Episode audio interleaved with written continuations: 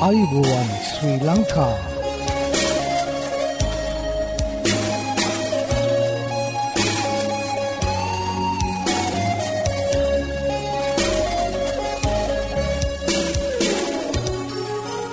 ඔබට සුපදස මේ Adventist World radio බලාපොරොත්වය හඬ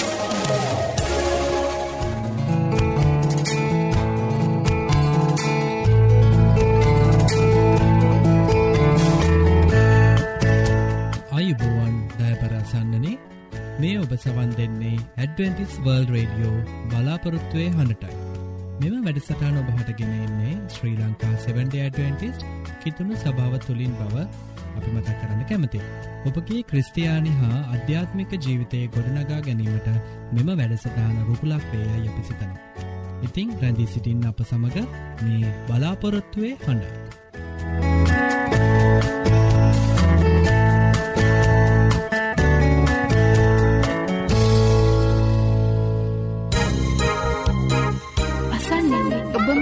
සිටින්නේ ඇඩවෙන්ටිස් වර්ල් රේඩියෝ බලාපොරොත්තුවය හඬ සමඟ.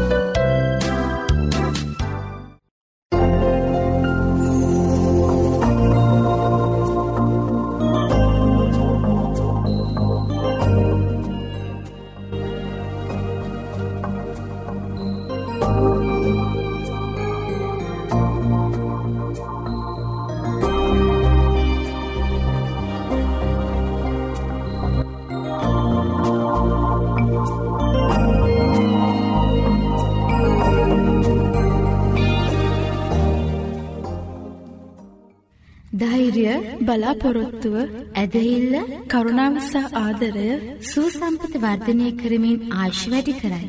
මේ අත්හදා බැලිමිට ඔබ සූදානන්ද එසේනම් එකතු වන්න. ඔබත් ඔබගේ මිතුරන් සමගින් සුවසතර පියමත් සෞඛ්‍ය පාඩම් මාලාවට.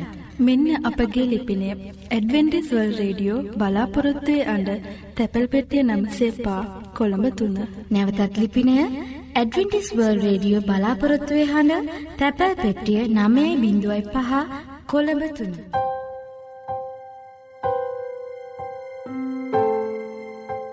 මා ප්‍රියසන්නනේ අපගේ සේවේ යම්කිසි වෙනස් කිරීමක් සිදූ කිරීමට තිබෙන අතර දෙදස් දාසේ ඔක්තෝබර් මස තිස්වයින්දා සිට දෙදස් දාහතේ මාර්තු විසිපා දක්වා කාලය තුළ ඔබට මෙම වැඩසටහනය ශ්‍රවණය කළ හැක්කේ කෙටි තරංග දහ නමයවැනි මීට්‍රය ඔස්සේ කිලෝහර්ටස් පහළවයි දෙසේ පනස් පහ තුළින් බව කරුණාවෙන් සලකන්න මම නැවතත් කියන්න දහ නමවෙනි මීට්‍රය ඔස්සේ කිලෝහර්ටස් පහළවයි දෙසේ පනස් පහ තුළින් ඔබට මෙම සේවේ ශ්‍රවණය කිරීමට පුළුවන්. ඉතිං ඔබලාගේ යහළු වැහලියන්ට මතක් කරන්න මේ මීටරය දෙදස් දාහතේ මාර්තු විසිපා දක්වා මෙම මීට මීට්‍රය තුළින් ඔබට මෙම වැඩසටානට සවන්දිය හැකි බව කරුණාවෙන් සලකන්න.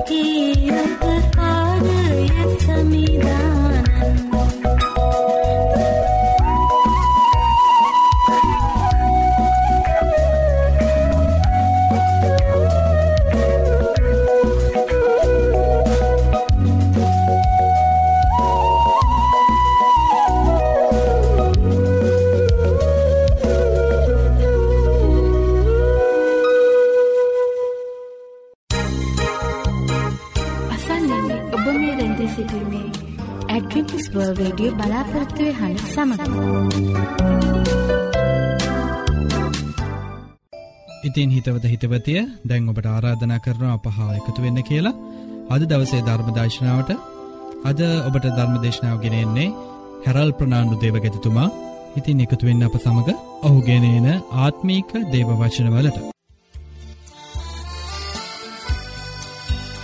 ප්‍රිය සහෝදර සහෝදරිය අද ඔබට මම මේ කතා කරන්නට යන්නේ යතුරු තුනක් පිළිබඳවයි.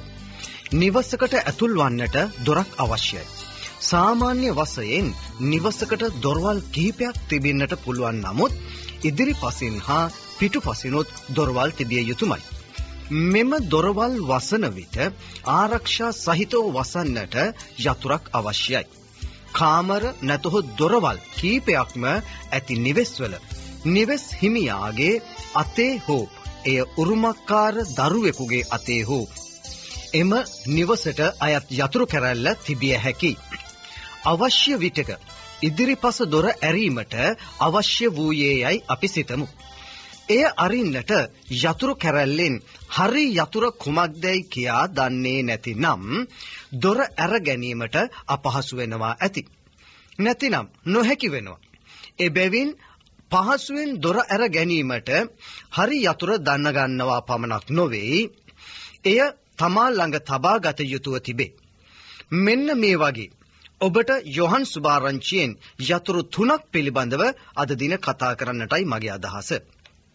මම අද මුලින්ම ඔබට දෙන්නට යන්නේ පිටුපස දොර සඳහා යතුරයි. ඉන් පසු පැති දොර සඳහත් අවසානයට ඉදිරිපස දොර සඳහත් යතුරු දෙන්නම්. හොඳට මතක තියාගන්න. මෙන්න පළමු යතුර. යොහන් සුභාරංචියේ විසිවෙනි පරිච්ඡේදයේ 31 වෙනි පදය. මොකද්ද පළවෙනි යතුර? යොහන් සුභාරංචියේ විසිවෙනි පරිච්ඡේදයේ 31 වෙනි පදය. මෙම පදයෙන් මුළු යොහන් සුභාරංචියම ලිවීමේ අදහස ප්‍රකාශ කරනු ලබනවා. මෙන්න. නමුත් මේවා ලියන ලද්දේ යේසුස් ක්‍රිස්තුස් වහන්සේ දෙවියන් වහන්සේගේ පුත්‍ර වූ ක්‍රිස්තුස් වහන්සේ බව නුඹලා විශ්වාස කරන පිණිසත් විශ්වාස කොට උන්වහන්සේගේ නාමයෙන් ජීවනය ලබන පිණිසත්ය. යොහන්තුමා මේ පොත ලිවීමේ අරමුණු දෙකක් තිබිලා තිබෙනවා.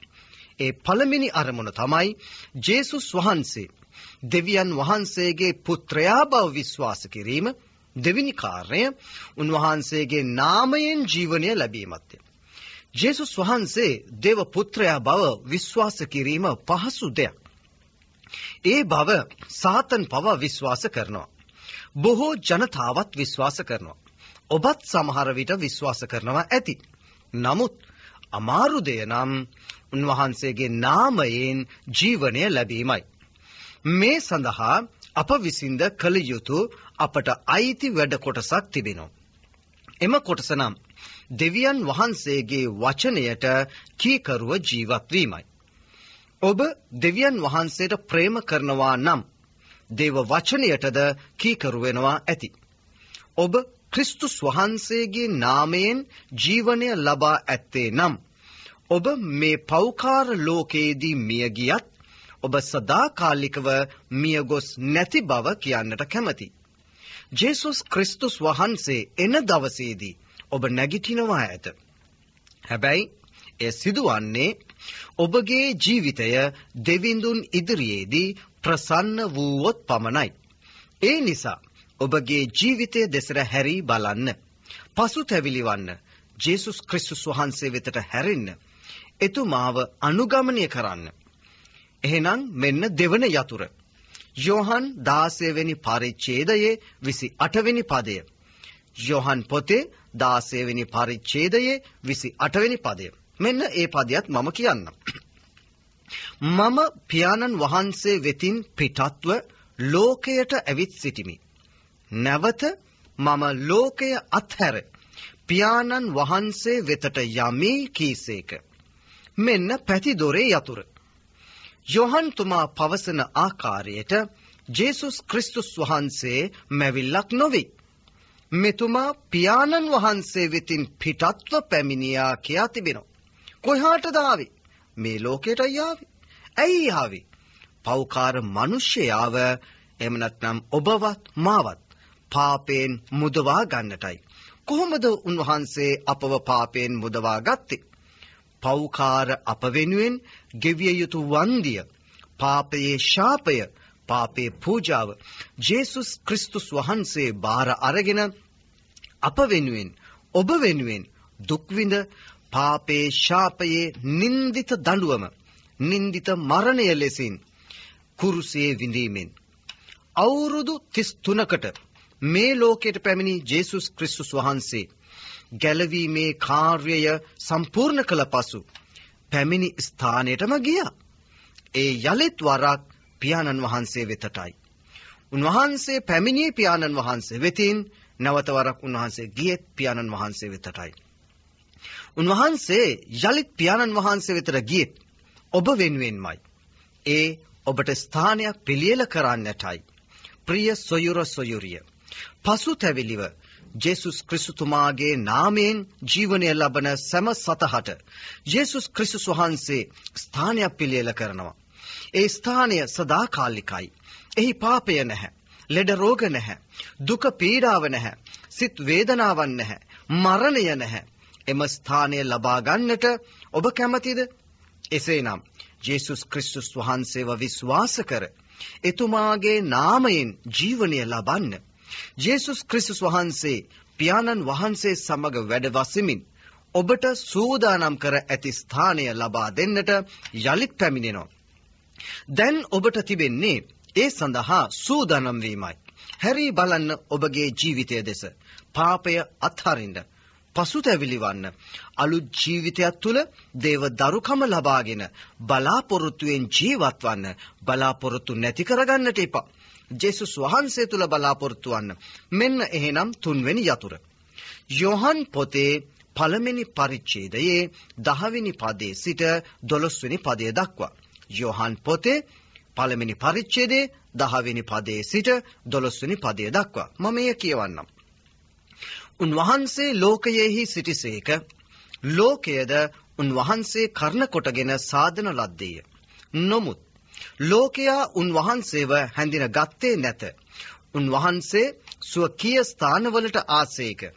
ස්වකීයයෝ උන්වහන්සේව පිළි නොගත්තෝය.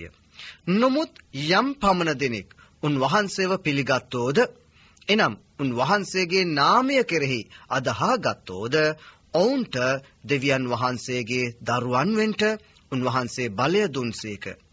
ඔවුහු ලෙයෙන්වත් මාංශයේ කැමැත්තෙන්වත් මනුෂ්‍යයාගේ කැමැත්තෙන්වත් නොව දෙවියන් වහන්සේගෙන් උපන්නෝය. එහෙමනම් මැවුම්කාර දෙවි වූ ජේසුස් ක්‍රිස්තුස් වහන්සේ මනුෂ්‍යයා අතරම ජීවත් වුණත් මනුෂ්‍යයා විසින් උන්වහන්සේව හඳුනාගත්තෙත් නැහැ පිළිගත්තෙත් නැහැ. මනුෂ්‍යයා පාපයේ ආශාවන්ට ලෝකයේ ආශාවන්ට මාංශයේ එහෙමත් නැත්නම් තම ශරීරය පිනවීමේ ආශාවන්ට යේසුස් ක්‍රිස්තුස් වහන්සේට වඩා ඇලුම් වුණා. මෙන්න මේ නිසයි දෙවිඳුන්ව මිනිස්යා විසින් හඳුනා නොගත්තේ. නමුත් උන්වහන්සේව පිළි අරගෙන උන්වහන්සේට කීකරුවන එතුමාව අනුගමනය කරන අයවලුන් හට දෙවියන් වහන්සේ දරුකමේ උරුමය දෙනසේක. ප්‍රිය සොයුර සොයුරිය. දැන් ඔබ සිතා බලන්න. ඔබගේ ජීවිතයේ ඇතුළාන්ත දෙස. කුමන තත්ත්වයකද ඔබ සිටියේ. කුමන තත්ත්වයකද ඔබ දැන් සිටින්නේ. එමෙන්ම ඉදිරියේදී කුමන තත්ත්වයක සිටින්නටද ඔබ බලාපොරොත්තු වන්නේ. දෙවියන් වහන්සේගේ දරුකමේ උරුමය තුලද සාතන්ගේ එහෙමත් නැතිනම් නපුරාගේ යක්ෂයාගේ දරුකමේ උරුමය තුලද සදාකාලයේ ජීවිත බලාපොරොත්තුවෙන්ද සදාකාලයේ විනාශයේ බලාපොරොත්තුවෙන්ද නැතහොත් බලාපොරොත්තුවක් නැතිවද? ජීවිතය අසහනයින්ද? දුක පීඩාව හා කරදර නින්දාව තුල හෝ රෝග පීඩා තුලද මෙන්න ඒවායින් මිදෙන්නට ක්‍රමය. ඔබව මේවායින් නිදහස් කරගත හැකි එකම තැනැත්තා ජේසුස් ක්‍රිස්තුස් වහන්සේයි. ඔබට නැවතත් යතුරු තුන මතක් කර දෙන්නම්. එවිට මේ දොරවල් ඇරගෙන ගොස් ඔබට පුළුවන් ජේසුස් ක්‍රිස්තුස් වහන්සේගේ නාමයෙන් ජීවනය ලබන්න. මෙන්න පළවෙනි යතුර. යෝහන් 20:31 වෙනි පදය. යොහන් 20 වෙනි පරිච්ඡේදයේ 31 වෙනි පදය. මේවා ලියන ලද්දේ ජේසුස් ක්‍රිස්තුස් වහන්සේ දෙවියන් වහන්සේගේ පුත්‍ර වූ ක්‍රිස්තුස් වහන්සේ බව නුඹලා විශ්වාස කරන පිණිසත් විශ්වාස කොට උන්වහන්සේගේ නාමයෙන් ජීවනය ලබන පිණිසත්ය. දෙවනි යතුර යොහන් 16 වෙනි පරිච්ඡේදයේ 28 වෙනි පදය. මම එහෙමත් නැත්නම් ජේසුස් ක්‍රිස්තුස් වහන්සේ පියාණන් වහන්සේ වෙතින් පිටත්ව ලෝකයට ඇවිත් සිටිමි. නැවත මම ලෝකය අත්හැර පියාණන් වහන්සේ වෙතට යමි. මෙන්න තුන්වෙනි යතුර. යෝහන් පළමිනි පරිච්ඡේදයේ 10 වෙනි පදයේ සිට 12 වෙනි පදය දක්වා. උන්වහන්සේ ලෝකයේහි සිටිසේක. ලෝකයේද උන්වහන්සේ කරන කොටගෙන සාධන ලද්දේය. නොමුත් ලෝකයා උන්වහන්සේව හැඳින ගත්තේ නැත. උන්වහන්සේ ස්වකීය ස්ථානවලට ආසේක. ස්වකීයයෝ උන්වහන්සේව පිළිනො ගත්තෝය. නොමුත් යම් පමණ දෙනෙක් උන්වහන්සේව පිළිගත්තෝද එනම් උන්වහන්සේගේ නාමය කෙරෙහි අදහා ගන්නෝද ඔවුන්ට දෙවියන් වහන්සේගේ දරුවන් වෙන්නට උන්වහන්සේ බලය දුන්සේක ආමෙන් අපි යාඥා කරමු. දෙවි පියාණනි ඔබ වහන්සේගේ ජේසුස් ක්‍රිස්තුස් වහන්සේව විශ්වාස කරනවා පමණක් නොව උන්වහන්සේගේ නාමයෙන් ජීවනය ලබා උන්වහන්සේගේ නාමයෙන් අපේ ආශිර්වාද ලබා පාප සමාව ලබා උන්වහන්සේ අප වෙනුවෙන් සූදානම් කර ඇති ස්ථානය ලබා ගන්නටත් ඔබ වහන්සේගේ දරුකම ලබා ගන්නටත් අපට මඟ පෙන්වීම ලබා දෙන්න. අපි සැවොම මේ ලෝකවාසීන් සැවොම ඔබ වහන්සේට බාර කරන්නේ අති උතුම් ජේසුස් ක්‍රිස්තුස් වහන්සේගේ නාමයෙන්ය. ආමේන්. අසන්නේ ඔබ මේ රැඳී සිටින්නේ ඇඩ්වෙන්ටිස් වර්ල්ඩ් රේඩියෝ බලාපොරොත්තු වෙන සමග. සත්‍යය ඔබ නිදස් කරන්නේ යසායා 8:31. මේ සත්‍ය සොයමින් ඔබ අද සිටින්නේද? එසේනම් ඔබට අපගේ සේවයෙන් පිදෙන නොමිලේ බයිබල් පාඩම් මාලාවට අදම ඇතුල්වන්න. මෙන්න අපගේ ලිපිනය ඇඩ්වෙන්ටිස් වර්ල්ඩ් රේඩියෝ බලාපොරොත්තු වෙන හඬ තැපැල් පෙට්ටිය 9 සේපා කොළඹ 3.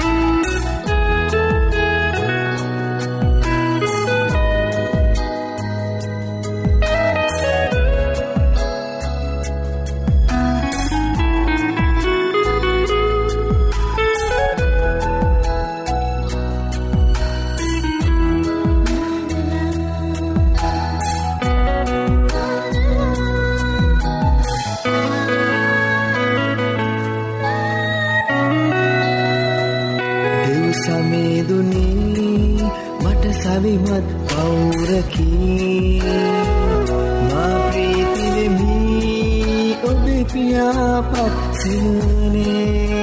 ඉසුරුවේ ඔබ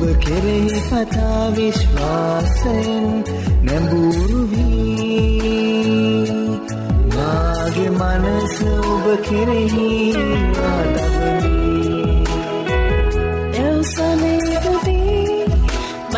පෙන්වූයේ ඔබ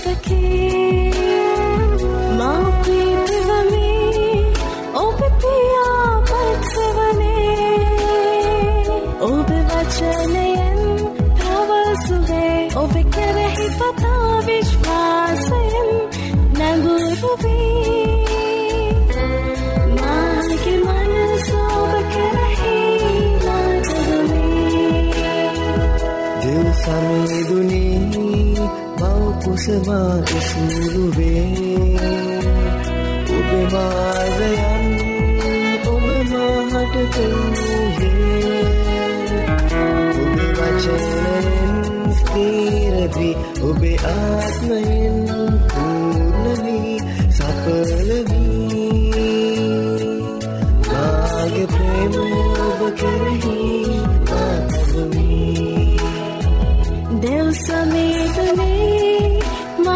什么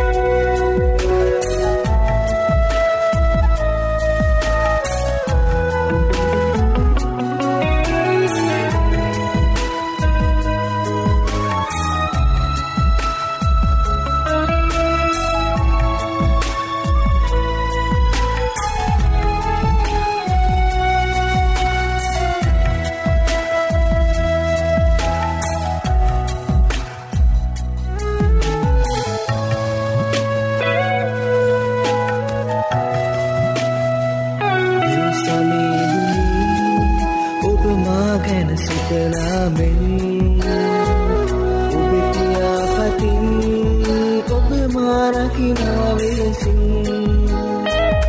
ඔබේ ප්‍රේමයන් නැති ජලධාරහන් ගලනාසින් ගොනැගති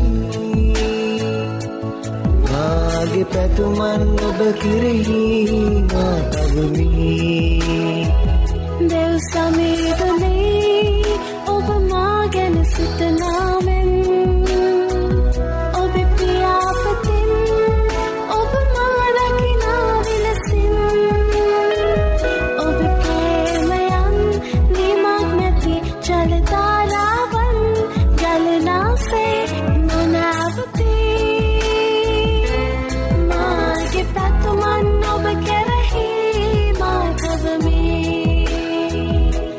දෙව් සමීරනී මට සවිමත් පවුරකී මා ප්‍රීතිවමි ඔබ පියාපත්සවනේ. ඔබ වචනයෙන් තවසුවේ ඔබ කෙරෙහි පතා විශ්වාසයෙන් නැමුරුවී මාගේ මනස ඔබ කෙරෙහි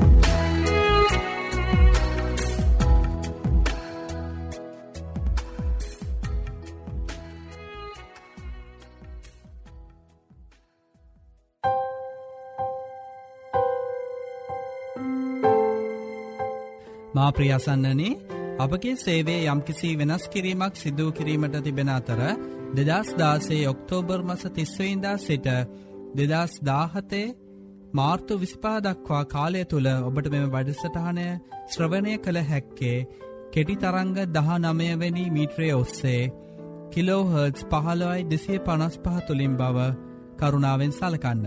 මම නැවතත් කියන්න දහ නමවෙනි මීට්‍රයේ ඔස්සේ කිලෝහර්ස් පහළවයි දෙසේ පනස් පහ තුළින් ඔබට මෙම සේවේ ශ්‍රවණය කිරීමට පුළුවන්. ඉතිං ඔබලාගේ යහළු වැහලියන්ට මතක් කරන්න මේ මීටරය දෙදස් දාහතේ මාර්තු විසිපහ දක්වා මෙම මීට මීට්‍රය තුළින් ඔබට මෙම වැඩසටානට සවන්දිය හැකි බව කරුණාවෙන් සලකන්න.